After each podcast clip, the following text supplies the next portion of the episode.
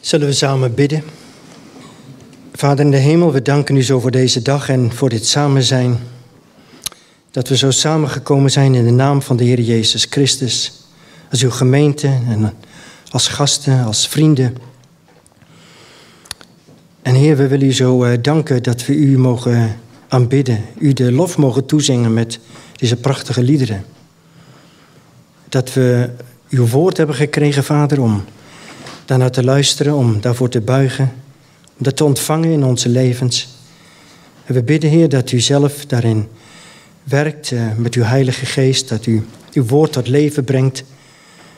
Het zijn letters en het zijn punten en komma's en woorden op papier.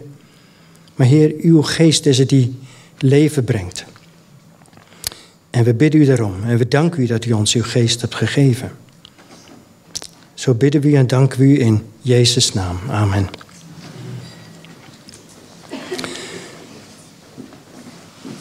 Vanmorgen wil ik graag met jullie wat delen over uh, wat Jeroen ook al zei over het avondmaal, dat we vanmorgen ook met elkaar zullen vieren.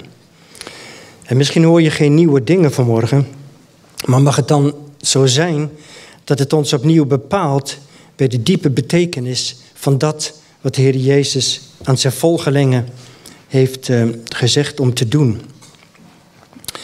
Uh, eerder heb ik met jullie ook stilgestaan uh, samen hier als in de gemeente bij wat kenmerken zijn van de, van de, van een christelijke gemeente. In Handelingen 2, daar staat, zij antwoorden, zij volharden in de leer van het onderwijs van de apostelen. In het samen gemeente zijn, in de gemeenschap staat er, in het breken van, de brood, van het brood en in de gebeden. Ik zie de tekst even niet, maar die zou er, eh, daar staat die. Weet je, en er staan um, in Handelingen 2, daar in dit eh, vers staan vier kenmerken genoemd van van de christelijke gemeente zoals die 2000 jaar geleden is ontstaan. Ik, ik was, toen ik daar zo mee bezig was, besefte ik eigenlijk hoe bijzonder dat is eh, dat we luisteren hier naar een, een, een gedeelte uit de Bijbel, 2000 jaar geleden ongeveer voor ons opgeschreven. En dan wordt daar de kenmerken beschreven van die christelijke gemeenschap. En, en, en hier zitten wij dan, en met ons zijn er talloze gemeentes hier in Nederland, in, in België en overal die eigenlijk hetzelfde nog doen als wat daar 2000 jaar geleden is opgeschreven. Dat we luisteren naar het woord van God, naar het onderwijs van de apostelen, dat we samen gemeente zijn, hier mogen zijn ook op deze plaats.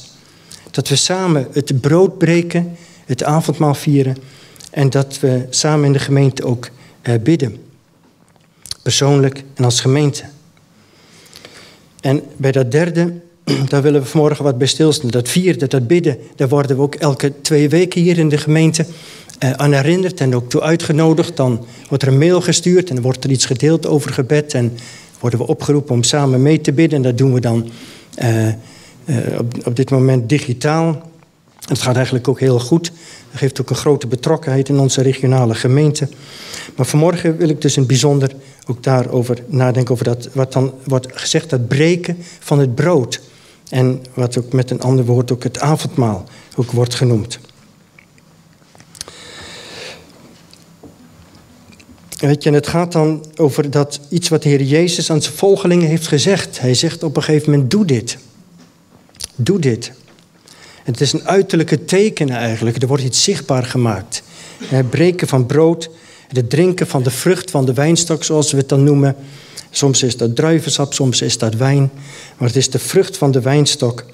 En dat wordt eigenlijk zichtbaar eh, voor ons gemaakt. En het is iets wat je in elke christelijke gemeente eh, overal over de wereld zult zien. Als die getrouw is en als die echt Gods woord ook wilt, gaat toepassen, nou, ook doet, dan zal dit gevierd worden.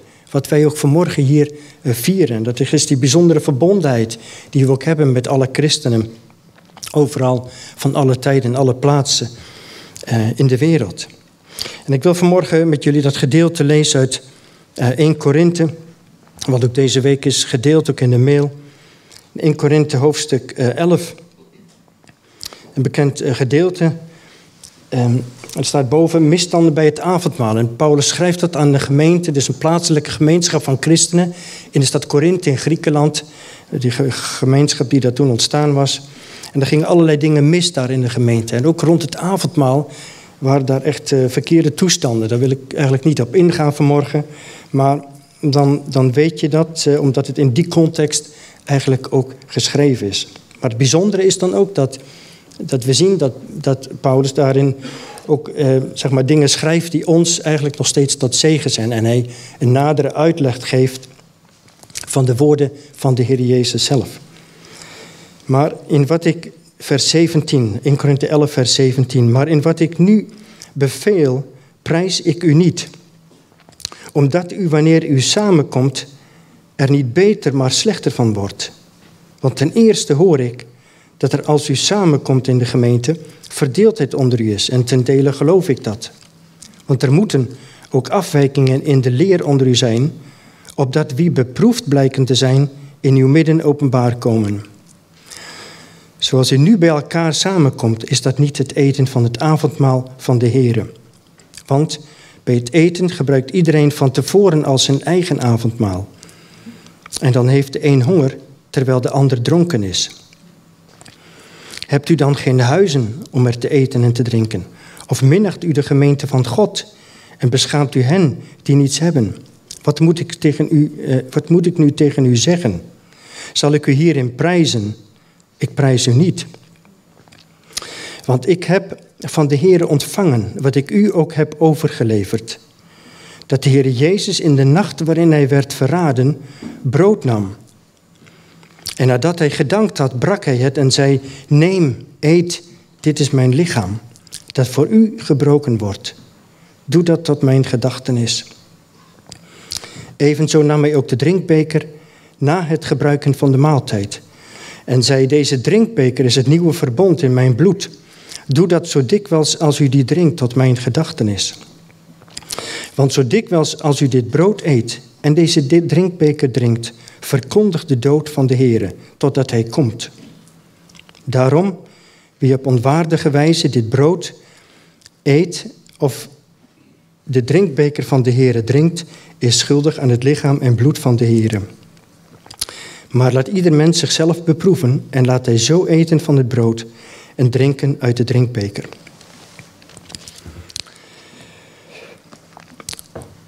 Vanmorgen wil ik eigenlijk met name over dat ene vers met jullie uh, wat uh, verder nadenken, daar wat dieper bij stilstaan. Dat is vers um, 26. Want zo dikwijls als u dit brood eet en deze drinkbeker drink, drinkt, verkondigt de dood van de Heer totdat hij komt. Ja, ik heb eigenlijk vergeet ik een dia, geloof ik. Hè? Dus eigenlijk wilde ik even ook nog laten zien met die vorige eh, dia dat je ziet eigenlijk dat vijf keer komt het woord eh, samenkomen eigenlijk voor. Um, dat viel me echt zo op bij het lezen van het hoofdstuk. Dat het uh, gaat over wanneer u samenkomt, vers 17, vers 18. Als u samenkomt, in de gemeente staat er ook bij. Zoals u nu bij elkaar samenkomt. Daarom als u samenkomt, als opdat u niet tot een oordeel samenkomt. En je ziet dus eigenlijk uh, dat, je dus, dat het avondmaal bijzonder gerelateerd is aan de gemeente. En aan het samenkomen van de gemeente.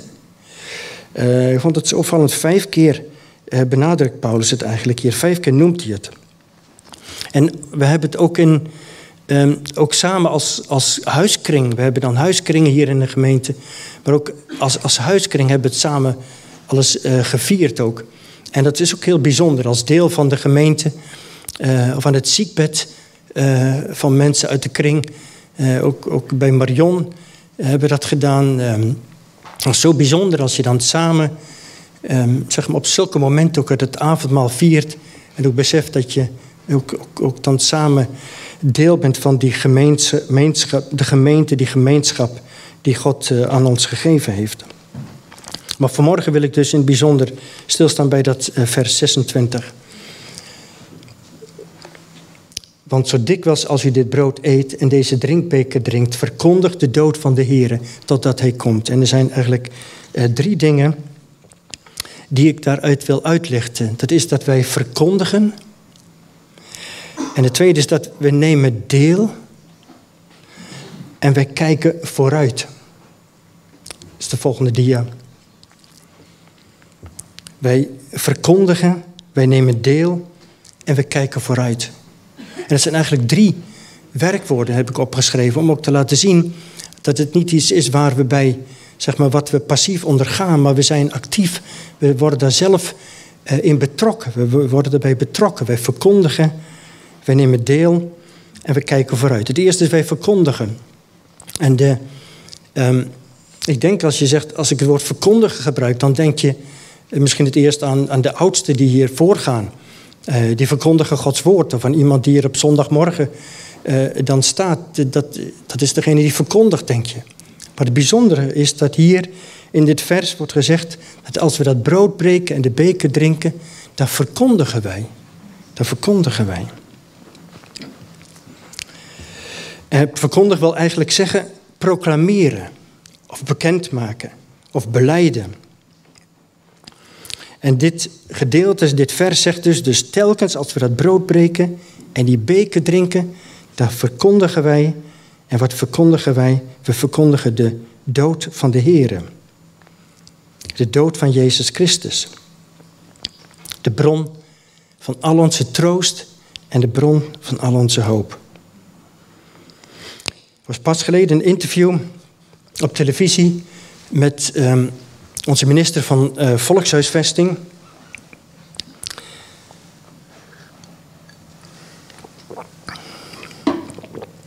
En daarin zei hij wat uh, uh, bijzondere dingen. Hij getuigde ervan dat het christelijk geloof erg belangrijk voor hem was en is. En hij zei: Er zijn momenten, ik citeer iets eruit, er zijn momenten in je leven dat je het niet meer redt. En dat je voelt dat je het alleen maar redt omdat je wordt geholpen. Um, en die minister die is ervan overtuigd dat de wereld niet uh, kon ontstaan zonder schepper. Het is mooi dat uh, iemand ook in die positie dat zegt. En hij bidt elke dag om vergeving.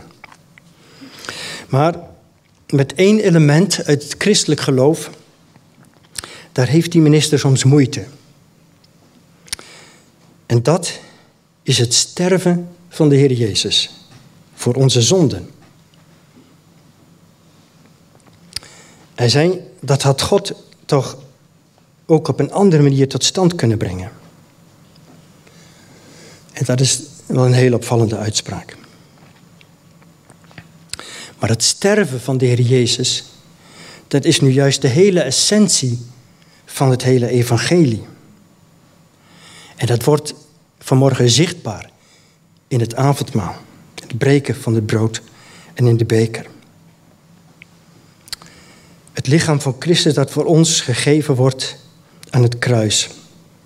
En de beker die herinnert aan zijn bloed dat voor ons vergoten werd. Weet je, het is opmerkelijk dat de Heer Jezus ook zegt dat hij wil dat we zijn dood gedenken.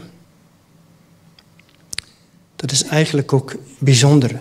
Want wie van ons denkt er nu met zeg maar, wie, wie, wie denkt er nou zeg maar, met warmte terug aan de dood van geliefden? Ik denk, zoveel van ons, de meeste van ons, die hebben dat meegemaakt. Als we ouder worden, dan gaan we geliefden, moeten we missen. Die ons ontvallen. En daar denk je dan meestal niet met fijne gevoelens aan terug. Dat is vaak een hele moeizame gang. Gisteren had ik nog een lang gesprek met iemand die zeg maar een, een geliefd familielid had heel dichtbij in een gezin had verloren. En je ziet hoe, al een tijdje geleden, maar hoe diep dat gaat en hoe moeilijk dat is om dat te accepteren en dan te verwerken en een plek te geven. Hoe zou je dat ook kunnen? Zeg maar over je eigen dood of over het sterven van de ander. Daar steeds weer over te spreken.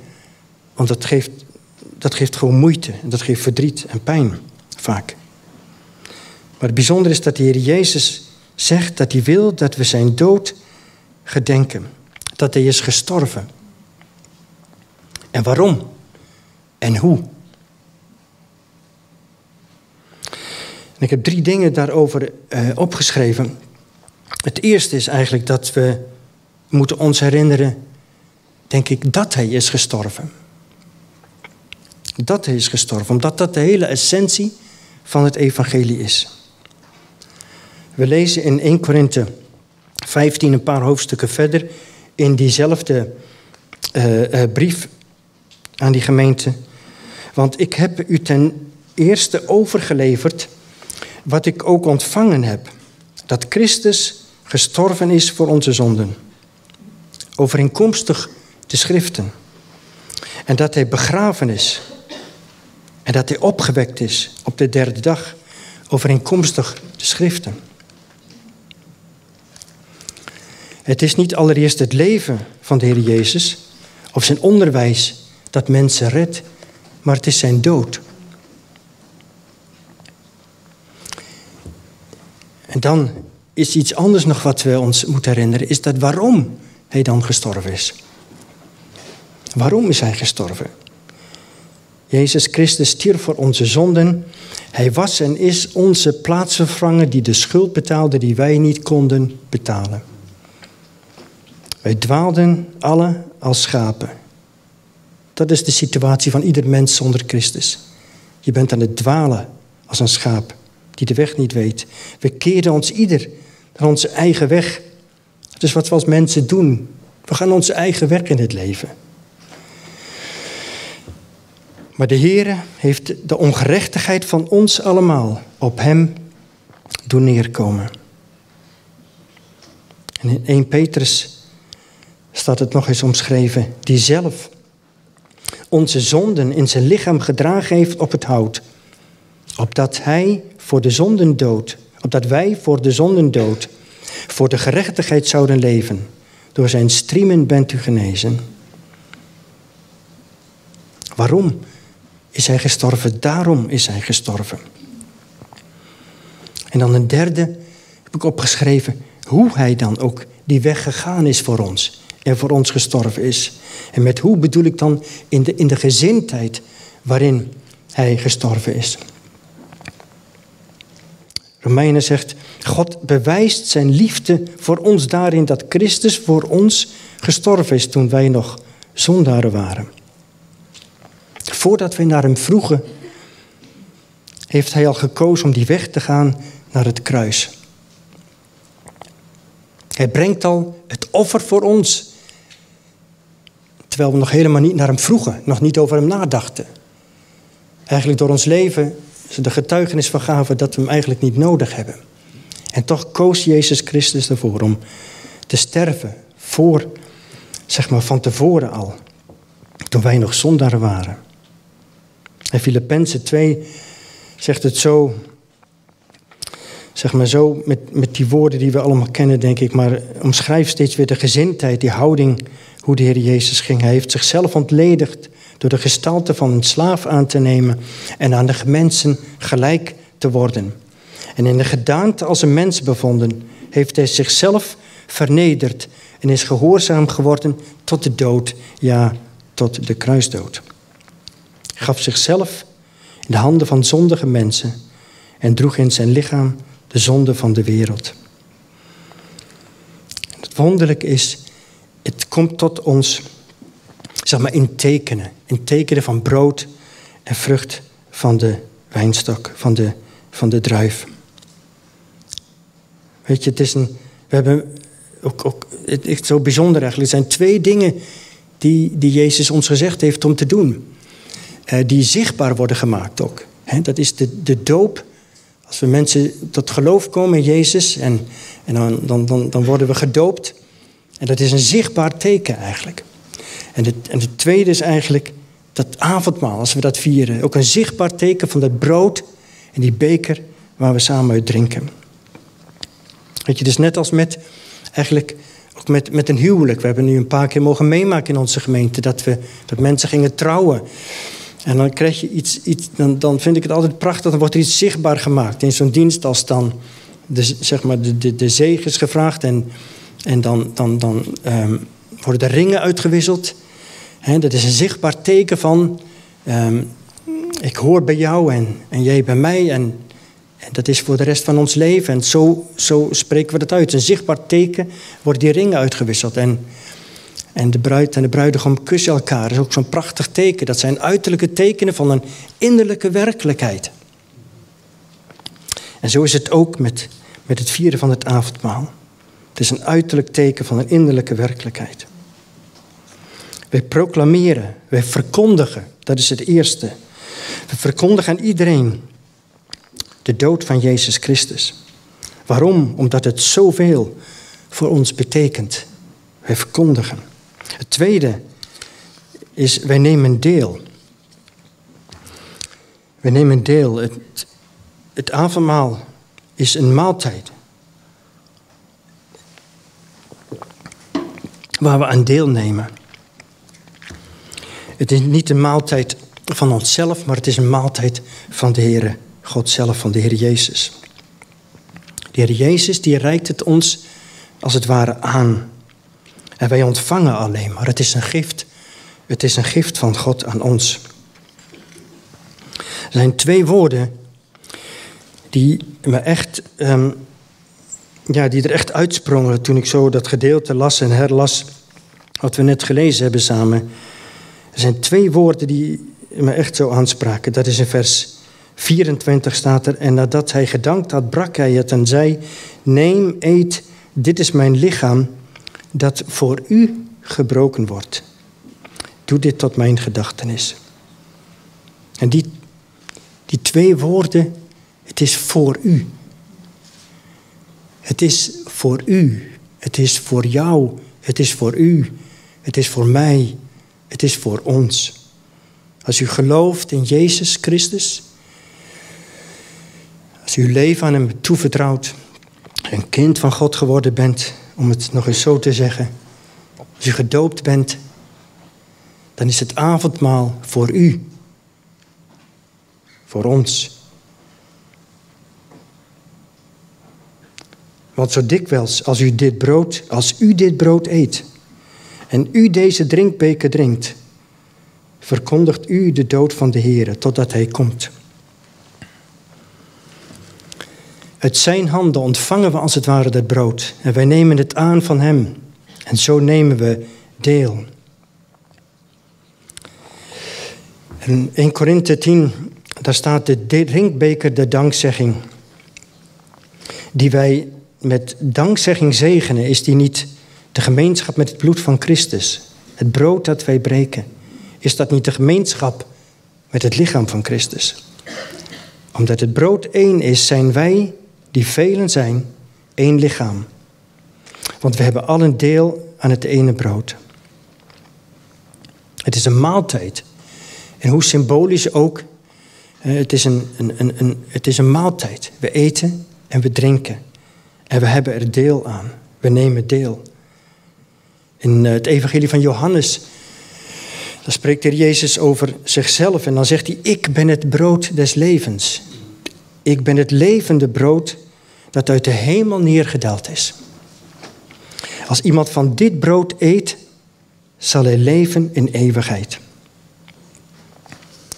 En zo, we voeden ons met Hem, als het ware. En zo hebben we deel aan Hem.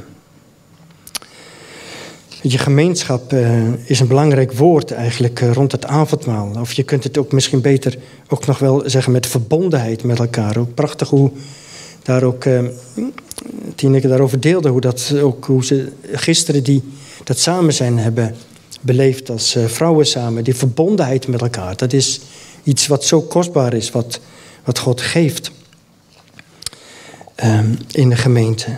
En de viering van het avondmaal is bedoeld om nog hechter verbonden te zijn. Met wie?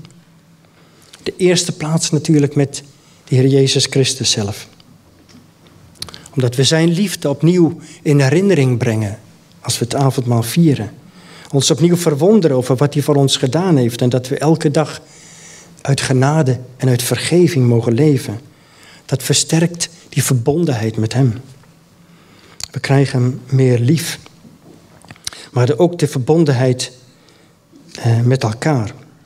God is een vader van een heel groot gezin.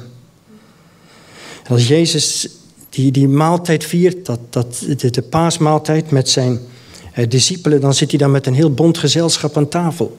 Zit er een Petrus en een Johannes en een Matthäus, de belastingambtenaar, en de Petrus die het altijd wel goed weet te zeggen of het, hoe het in elkaar zit. En hele verschillende types die bij elkaar zitten. Maar er is iets wat ze gemeenschappelijk hebben. Ze zijn door Jezus geroepen.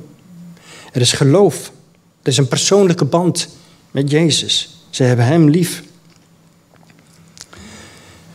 En aan het avondmaal vallen die verschillen weg. Ze eten van hetzelfde brood. En ze drinken uit dezelfde beker.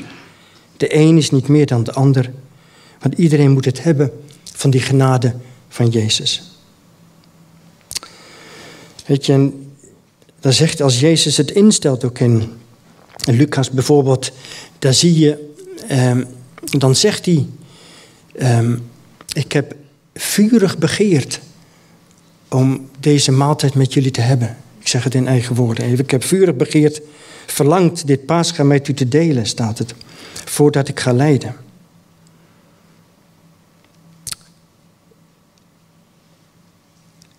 En dat is bijzonder, want hij weet wat hem te wachten staat. De volgende dag wordt hij opgepakt, zeg maar, en wordt hij gemarteld. Dan gaat hij aan het kruis, uh, die vrijdag.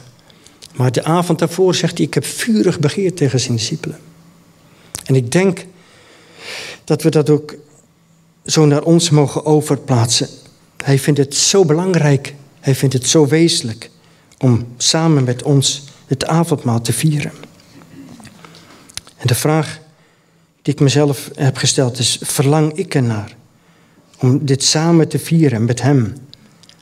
Verlangen wij ernaar om het samen te vieren met Hem? Verlangen we naar die gemeenschap met Hem? Dat is, eh, we verkondigen, we nemen deel en het laatste is, we kijken vooruit. We kijken vooruit. In 1 Korinthe 11, want zo dikwijls als u dit brood eet en deze beker drinkt, verkondigt de dood van de Heere totdat Hij komt. Totdat Hij komt, staat er. Totdat Hij komt. Wat een belofte. We wachten op iemand als gemeente van Jezus Christus. We wachten op iemand, we wachten op Hem. En tot die tijd zullen we als gemeente, en zal de gemeente van Hem op aarde het avondmaal vieren en blijven vieren. Jezus komt terug en steeds als we dat avondmaal vieren, bevestigen we dat. We doen het totdat Hij komt.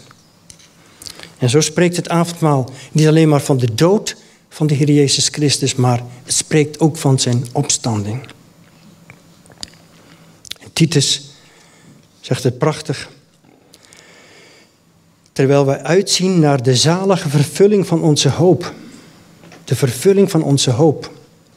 De openbaring van de heerlijkheid van onze grote God en Heiland. Christus Jezus. We zingen dat prachtige lied wel eens. Prijs de Heer, de weg is open. En Jezus heeft de weg voor ons naar de Vader, naar God de Vader opengemaakt zodat we straks bij Hem mogen zijn. Verheugt u daarover, zegt Jezus op een andere plek. Dat uw namen staan opgetekend in de hemel. Straks mogen we bij Hem zijn, zegt Paulus in Thessalonicense. Voor altijd mogen we bij Hem zijn. Weet je, we kunnen ons dat misschien helemaal niet zo voorstellen. In onze tijd, als je ziet hoe de samenleving eigenlijk is, uh, zeg maar is en is geworden we leven in een tijd van, van persoonlijk lijden, groot, veel persoonlijk lijden, maatschappelijk geweld, verkilling van omgangsvormen tussen mensen, politieke onrust, crisis op crisis.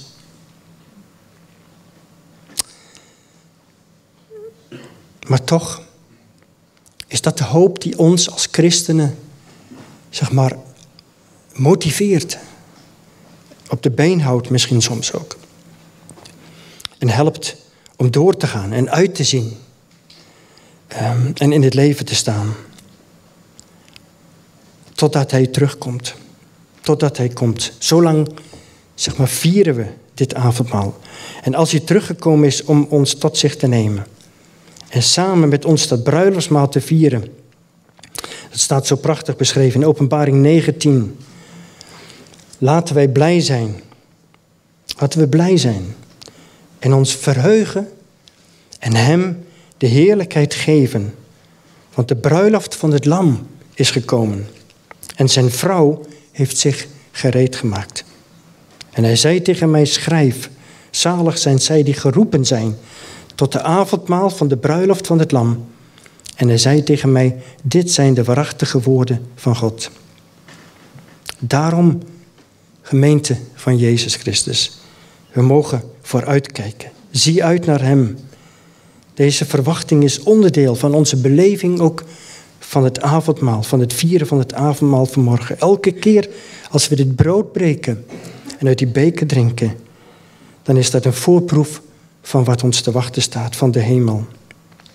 Ik zeg u, zegt Jezus, dat ik van nu aan van de vrucht van de wijnstok niet zal drinken, tot op de dag wanneer ik die met u nieuw zal drinken in het koninkrijk van mijn Vader. Het avondmaal nodigt ons op, nodigt ons uit om onze hoofden op te heffen en te zien op Jezus Christus, het lam dat geslacht is.